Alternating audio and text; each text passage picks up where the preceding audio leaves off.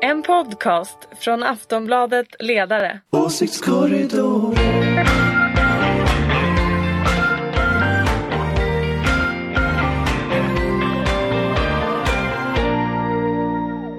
Hej och välkomna till Åsiktskorridoren, podden från Aftonbladets ledarredaktion där vi reder ut de stora frågorna i svensk politik.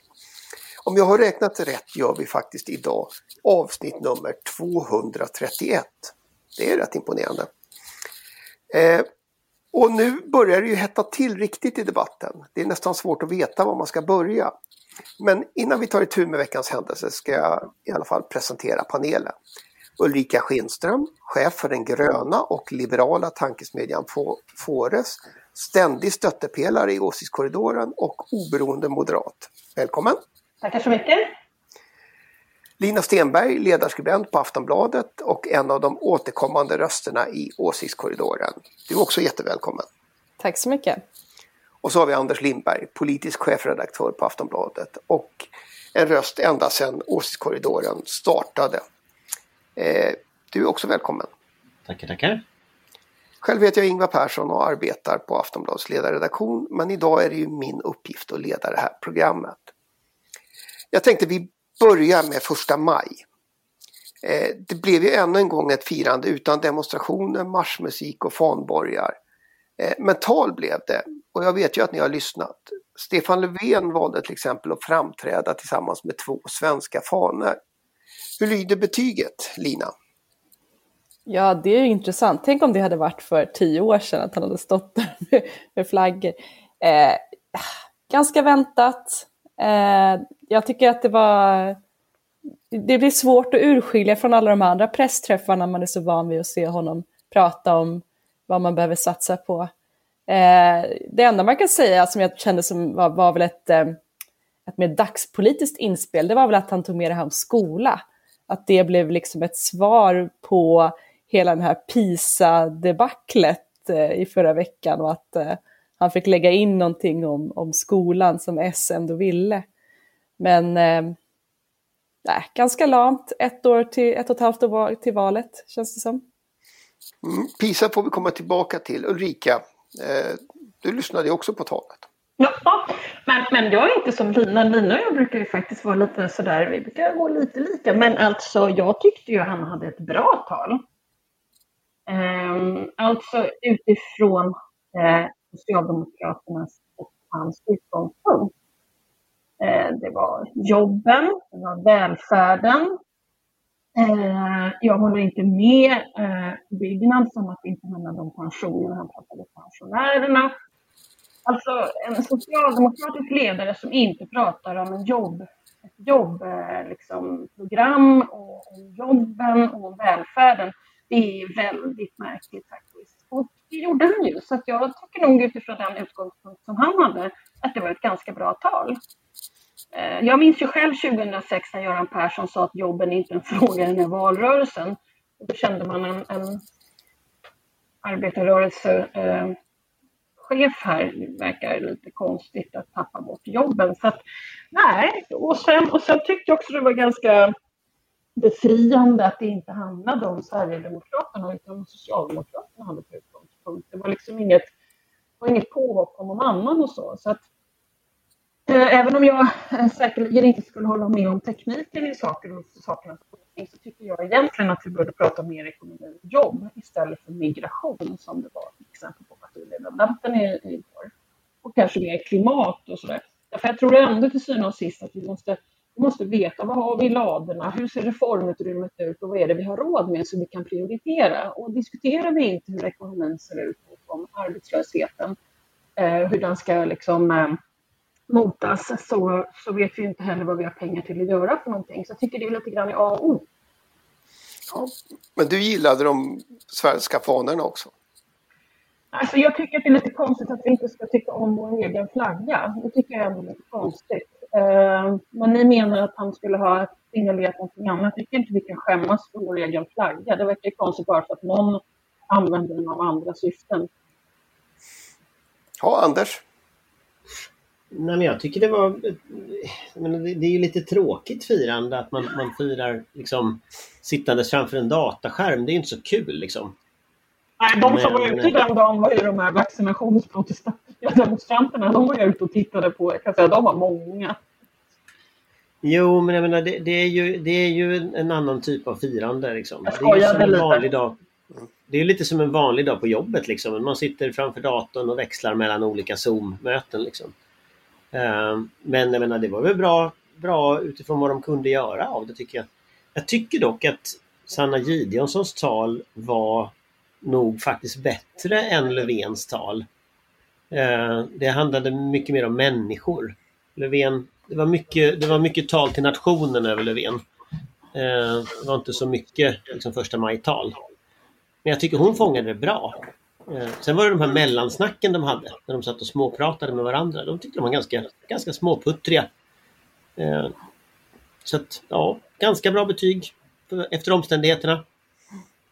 Men det är ju en signal att inte ha röda fanor bakom sig på första maj. Det har ju inte att göra med att man inte tycker om svenska flaggan, men nog, nog finns det många som tycker att åtminstone det, eh, det är ett minimum för att man ändå ska stå upp som eh, Ja, det var så du tänkte Lina. Ja, ja, ja, ja, ja, ja, ah, ja, ja, ja, ja, jag fattar. Ah, ja. Mm. Mm. Symbolik, det är lite märkligt. Ja. Alla dagar på året, annars så funkar nog blågula flaggorna jättebra. Senaste gången man lät första maj-tåg eh, ledas av svenska flaggor var väl under andra världskriget. Så rent symboliskt sett så är det klart att han, han tar ju i när han använder den typen av symbolspråk. Så är det ju. Mm. Det är liksom nationell samling och, och sånt. Men då hade de ju inte pressträffar i tv varannan dag heller. Med Nej, det, det hade de ju onekligen inte. Fast hade de haft det så hade det varit svenska fonder på pressträffar. Det hade de också. ju haft, men jag tänker att det blir ju lite som du sa också Anders, att det blir en vanlig dag på jobbet. Alltså, man sitter och lyssnar på ett av Stefan Löfvens tal. Eh, sen var det ju ett helt annat, eh, ska man säga, han, han, han hade en ansats som var annorlunda och det var ett språkbruk som var delvis annorlunda, men inte jättestor skillnad från de vanliga pressträffarna. Sen- i sak, alltså det här förslaget som Socialdemokraterna la med, med att köer för friskolor ska begränsas. Eller möjligheterna för friskolor att, att liksom välja elever genom kösystem ska begränsas. Det tror jag är bra. Ehm, och det signalerar väl att man är beredd att göra skolan till en valfråga. Och det är nog inte helt fel. Ehm, och tittar man på, på Gideonssons tal så vill ju LO göra, göra pensionerna till en valfråga. Och där har vi ju två riktiga frågor, skola och pensioner. Ehm, så att det, och det är nog inte dumt tänkt att det är där någonstans valrörelsen ska utspela sig. De hade ju det här eh, som slagord så hade de ju välfärden främst. Ehm, och det är lite intressant att liksom, de vill ha ett välfärdsval. Eh, att de ser det framför sig. Jo, men det är väl ganska smart om du- man nu har som utgångspunkt att både ta tillbaka eh, SD-väljare men samtidigt eh, faktiskt ehm, eh, göra någonting eh, åt de problem som vi har sett efter pandemin. Så det är inte ett dugg konstigt. ehm, utan snarare bra, därför att jag tror fortfarande att SD har vunnit på att folk är rädda att välfärden ska raseras. Så Det, det var väl inte alls dumt. Du, du ser så väldigt ledsen ut idag, Anders. Eller är du bara trött? Men jag, Nej, jag, jag är tänk, inte jag, tänkte, trött ja, jag tänkte jag skulle få koppla på faktiskt Ulrikas eh, där, eh, tanken på, på välfärd och sådär. För, eh, jag funderade på att vi ska prata lite om de politiska blocken eller hur det egentligen ligger till. Och i förra veckan så förklarade Jimmy Åkesson att han tänkte bli bromskloss om de andra, som han uppfattade konservativa partierna skulle dra för långt åt höger. Eh, det var ju kanske lite otippat. Sen Eh, å andra sidan så hade vi moder den moderata partisekreteraren Gunnar Strömmer som förklarar att det absolut inte finns något konservativt block överhuvudtaget och som ju tydligen eh, är, är väldigt skeptisk till idén om att förhandla en regeringsplattform. Det låter ju som lite fnurre på tråden. Men samtidigt i söndag så kom ju ett stort utspel från liberaler, kristdemokrater, moderater och sverigedemokrater eh, som hade gjort upp i den kanske mest kontroversiella frågan av alla, migrationen. Eh, hur är det egentligen? Har vi ett konservativt block eller har vi det inte, Ulrika? Ja, det är ju en jättebra fråga. Eh, konservativt är det ju inte. Eh, varken Liberalerna är konservativa och Moderaterna är ju liberalkonservativa och sen har vi SD som är radikal, eh, eh, eh, radikalnationalister. Och sen har vi då KD som är någon slags blandning av nationalister och, och, och. Ja, det, alltså etiketterna haglar här, jag vet det, men alltså jag tror att många som är konservativa eh, inte alls gillar eh, beteckningen att det är ett konservativt block, utan de är ju snarare ett nationellt block, nationalistiskt block, ehm, eh, Eh, det verkar väldigt snurrigt. Eh, jag har ingen aning. Eh, det har ju framgått som om de samarbetar och eftersom de kom ut med det här igår med migration, eh, migrationspunkterna så, så, så verkar det som det finns ett samarbete men sen vet jag inte varför man... Det är kanske så att man försöker tala med alla grupperingar. Med tanke på hur det är Liberalerna så om man läser den artikeln, för du hänvisar till en artikel nu som var i Svenska Dagbladet av Maggie Strandberg, eller hur? Mm, just det. Ja, och, och eh, i den artikeln framstår det ju som det inte alls är förankrat i Moderaterna, att det finns väldigt många moderater som inte alls tycker att det här är en bra idé och så vidare. Så att det kanske bara tar lite olika uttryck, men det verkar lite snurrigt. Ja, Anders? Jag skulle nog säga att det finns ett konservativt block. Sen att det inte idéhistoriskt är rätt term konservativt. Men, men jag tror att om man ska definiera det på någon slags politisk skala så finns det ju liksom ett vänsterblock, det finns en liberal mitten och det finns en konservativ höger slash nationalistisk höger. Och, och det här blocket sammanför ju liksom den konservativa och nationalistiska högern i, i, i någon slags samarbete. Och tittar man på de förslag som Nyamko Sabuni lägger så är det ju inte liberala förslag. Den här vad heter det, migrationspolitiken till exempel, den var ju definitivt inte liberal eh, ur, ur, någon mening av ordet så att säga. Så, att, så att jag skulle säga att det finns ett block och jag skulle säga att konservativ är den bästa beteckningen som går att hitta på det. Sen så är frågan hur många, när det här liksom på något sätt manifesterar sig, hur många väljare kan en sån gruppering i slutändan ta hem? Och jag tror inte att det är några 50% som är beredda att rösta på ett konservativt block. Jag tror inte konservatismen är så stark. Jag tror att den kanske ligger någonstans eh, väsentligt under det, kanske till och med under 40 så att, så att Moderaterna tappar ju sin liberala del och Liberalerna borde inte höra hemma där. Så att det är en ganska svår konstruktion att, att ro hem det där. Om jag, om jag får gissa så, så, så tror jag ju att, eh, att det där projektet är lite farligt för de som deltar i det. Att det, det är ganska stor risk att du drar iväg åt höger och lämnar mitten öppen för den som vill promenera in där jag tror inte man kan förstå det här på något annat sätt än att det är ett populistiskt konservativt block. Alltså, skulle de försöka följa en, en konservativ tradition eller liksom bara konsekventa i sin politik, ja men då skulle de ju ha svårt att få 50 procent av väljarna. Men, men så fungerar ju inte populisterna. Och jag tänker att det är väl ganska tydligt att man hoppar på de frågor som just nu är populära och nu är det liksom migrationen och det är SD som har dragit den här debatten jättelångt åt ett håll. Eh, och partier har följt efter och det gäller att liksom höras och synas i den debatten.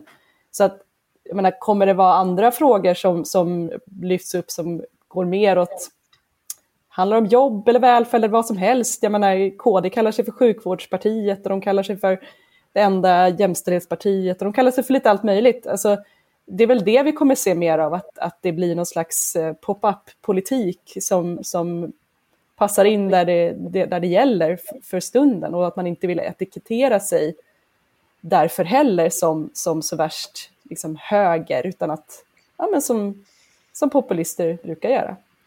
Fast där är en intressant spaning tycker jag är att de, de är ganska...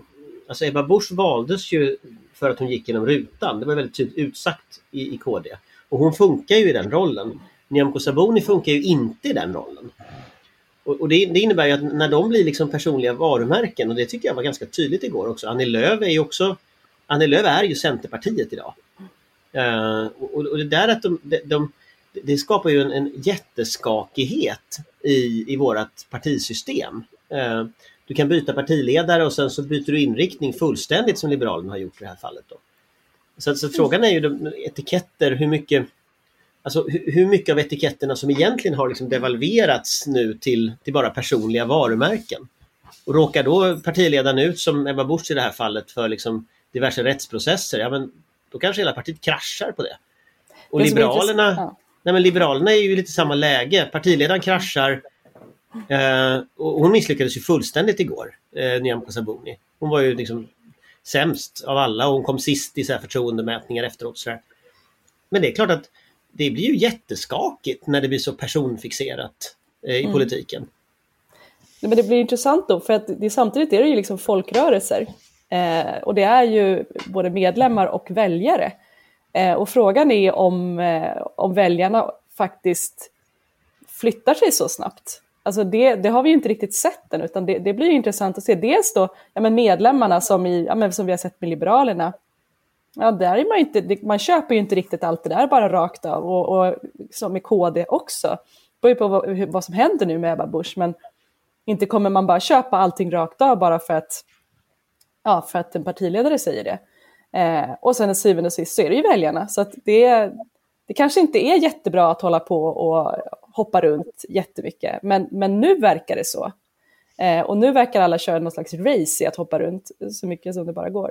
Jag tänkte, jag, jag måste fråga, det är ju intressant att beskriva Liberalerna som en folkrörelse. Det, eller generöst kanske är rätt ord. Eh, men eh, eh, Ulrika, alltså, samtidigt så var väl det här Åkesson försökte säga eh, med att han, inte, att han skulle vara en bromskloss om man drog för långt åt höger. Det handlade väl om, om de här välfärdsfrågorna. Sverigedemokraterna har ju bland annat varit ute i, i pensionsfrågan nu eh, och motsätter sig höjningen. Är det där ett, ett liksom praktiskt, ett riktigt problem för en potentiell borgerlig regering under Kristersson? Men alltså, så länge man inte har ett, ett, ett eh, budgetförslag som hänger ihop så har man ju alltså inget förslag. Eh, Så att det spelar ingen roll om vi pratar eh, pensions... Upps, du pratar om de här 900 kronorna som de motsätter sig. Är det så du tänker? Nej, jag, nej, jag tänker att de, de har väl motsatt sig hela höjningen av pensionsåldern. Du pratar ålder nu, förlåt, jag trodde vi var inne på höjningen eh, genom budgeten. Ja, du menar så ja. Ja, alltså jag, ja, det är klart att det blir ett problem. För jag, jag tror ju verkligen att eh, eh, Moderaterna tycker att man måste höja pensionsåldern. Och det håller jag med om. Eh, så att det, det kan ju bli ett problem. Men, men jag menar, det här är en av väldigt många andra problemfrågor. Det är därför det här är så intressant. Att vi börjar med liksom, vad har vi för pengar? Som, eh, vad har man för pengar för, för att göra reformer? Hur mycket har man i ladorna och hur mycket har man att röra sig med då? Då måste man ju bestämma sig för vad gör man först. Det är därför man inte kan diskutera alla frågor på en gång. Man kan börja med att slänga upp alla frågorna, men sen måste man ju ta fyra bollar och säga okej, det är de här vi tycker att vi måste börja med. Har vi råd att göra någonting åt de här fyra? Det, det är jätteviktigt.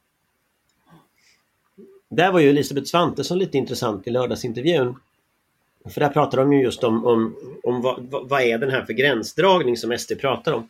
Och där får man ju intrycket lite av att det Moderaterna ser som problemet det är ju a-kassa och sjukförsäkring och sådana saker. Där, där hela den här så kallade arbetslinjen som, som eh, Elisabeth Svantesson argumenterar utifrån bygger ju egentligen på att man ska försämra för sjuka och arbetslösa. Och där har ju SD gått i clinch. Det, det finns ju då en anledning till det, för det är få folk i arbete bara så att vi inte tror Jo, att nej, men hon- hon- hon- har gått på din retorik här nu. Hon, hon tror ju måste det. få bråka lite dig, Anders. Men, men hon, hon tror ju på det. Men jag tror ju inte på det. Men det är intressant att det är där de ser konfliktytan mot SD. Så att, så att liksom, de ser inte konfliktytan när det gäller att man ska slänga ut folk ur Sverige eller, eller alltså den typen av liksom, rasistisk retorik från SD och så. Utan konfliktytan är att SD då inte accepterar lika mycket sänkt a-kassa som Moderaterna vill. Och, och det, det tycker jag känns lite som eh, det känns som en väldigt konstig konfliktlinje. Att Det handlar inte om väljarsociologi helt enkelt.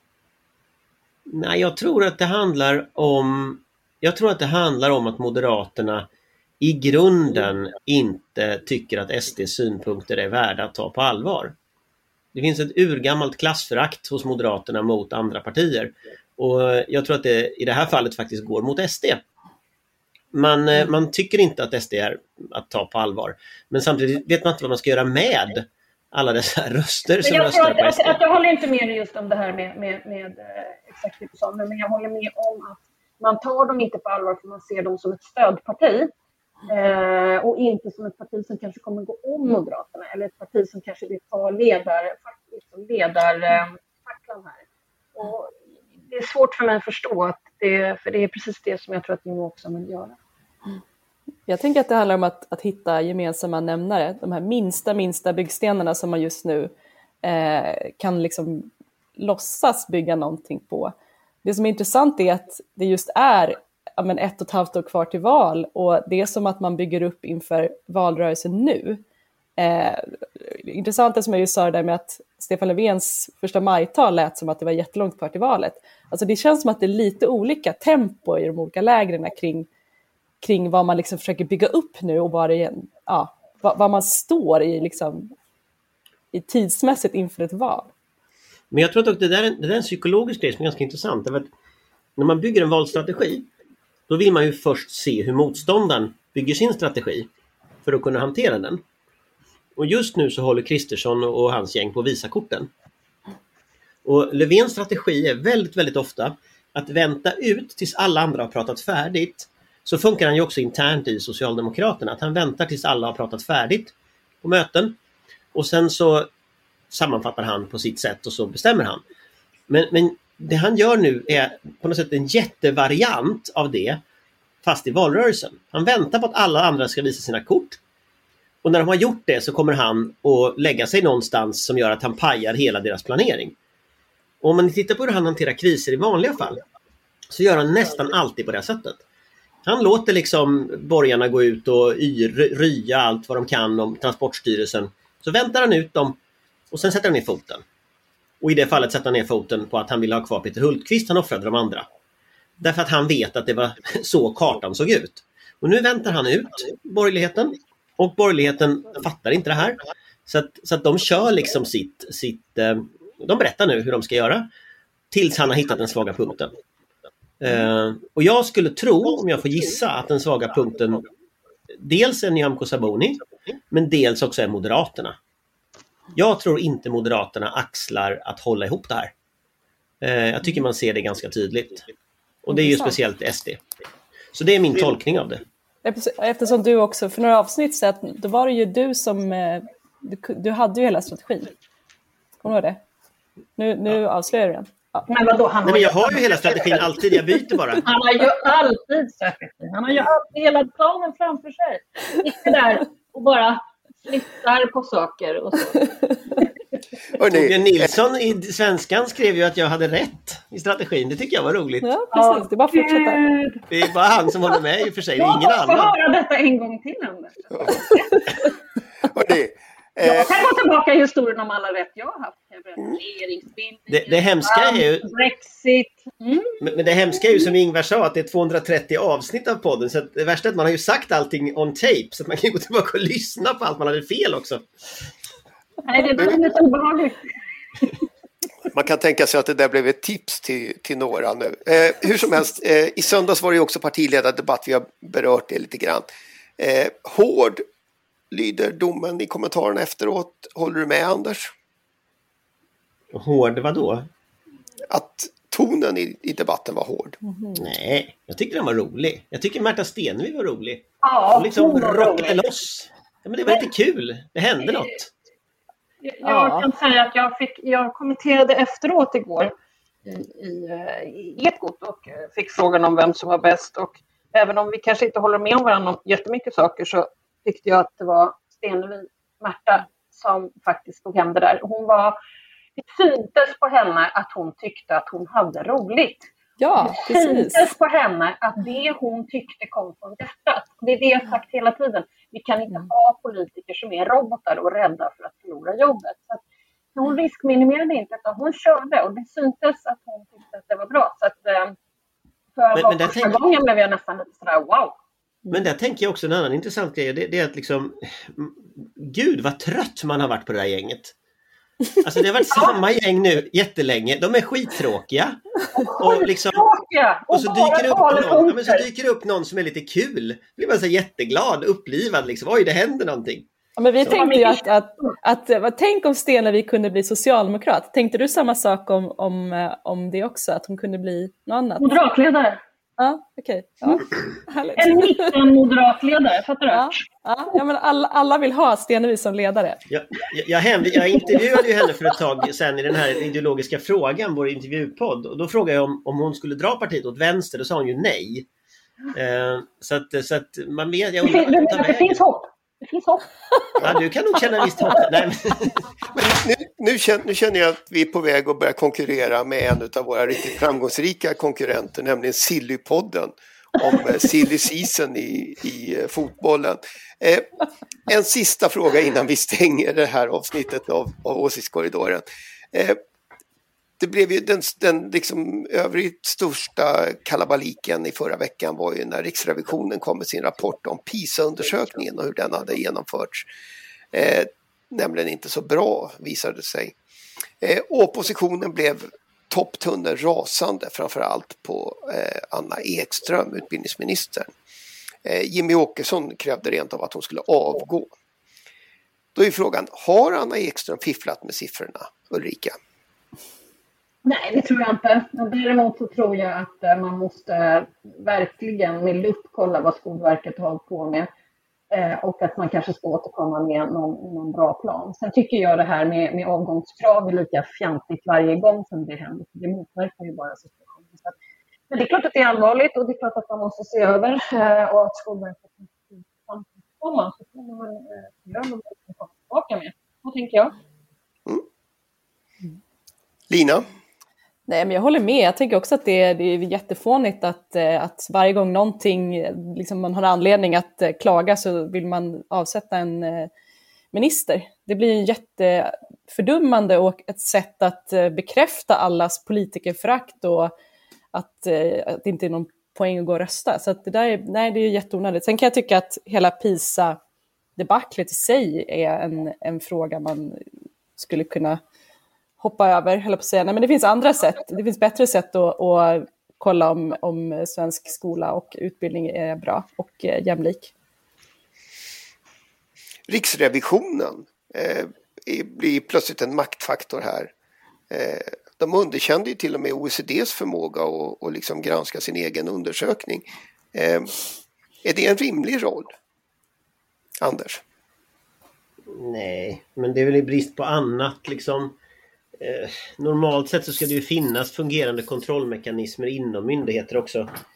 Eh, Riksrevisionen har ju gjort ett gäng granskningar då och då. De blir ju uppmärksammade när det går att göra politik av dem. Eh, men de är ju kritiska mot allting. Det är ju deras uppgift liksom. Eh, men jag tycker nog att, jag tycker nog att det här faller inte tillbaka i första hand på, på ministern utan i första hand på Skolverket.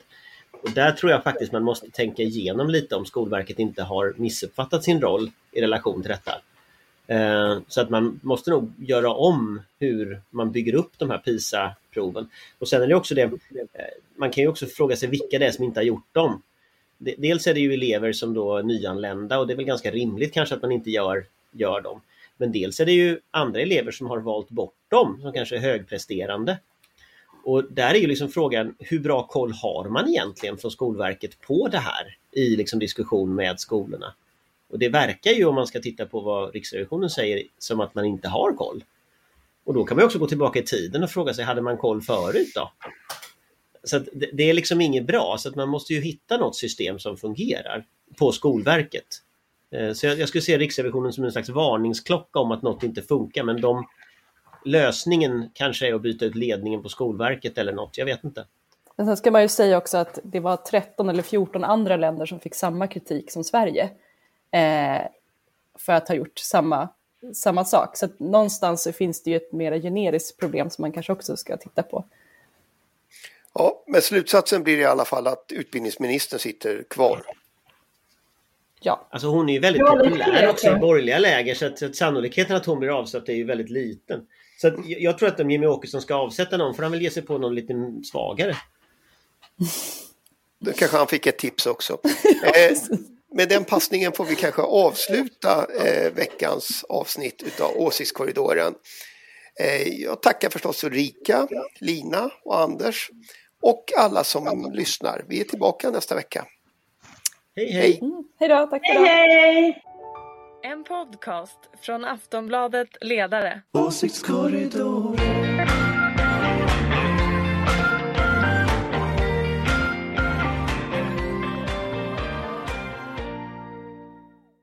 Du har lyssnat på en podcast från Aftonbladet. Ansvarig utgivare är Lena K Samuelsson.